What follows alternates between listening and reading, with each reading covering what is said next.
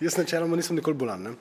Ko pa sem bolan, sem pa recimo orang, ampak zdaj že dolgo časa nisem bil in fašam jaz vnetje sinusov.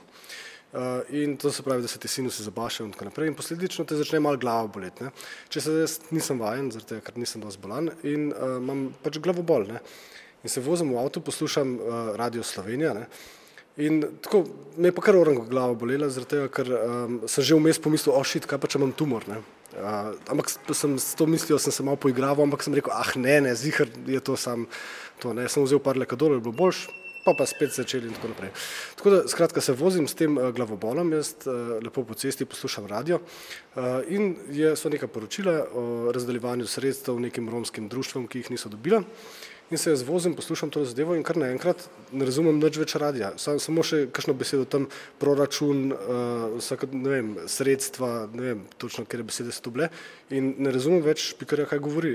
In uh, pač pomislim, aha, na tedu sem gledal neko predavanje o tem, kako, kako ti pač od desno stran, ali ne vem, kjer od uh, Ti pač, če ti možgansko polovico kap prizadene, ne, ker nekrat ne razumeš nič več, veš, kaj se dogaja, ampak ne moreš pa recimo besed prebrati številk in tako.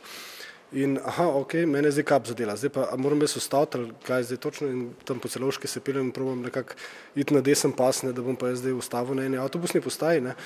Ko um, ugotovim, da je v bistvu bila um, oddaja za romske manjšine, ne, ki pač nimajo svojih besed za določene stvari, kot so proračun, ne, in so pač isto, ponovi, isto novico, ko so prej ponovili, pač, ko so povedali v slovenščini, so potem povedali še v romskem jeziku, ne, s tem, da uh, v bistvu je bil to problem. Ne, tako da, um, Polnice se nisem ustavil v končni fazi in um, tudi ne te sinuse so se kasneje pozdravili in ni bila možganska kap. Smo bili pa zelo blizu.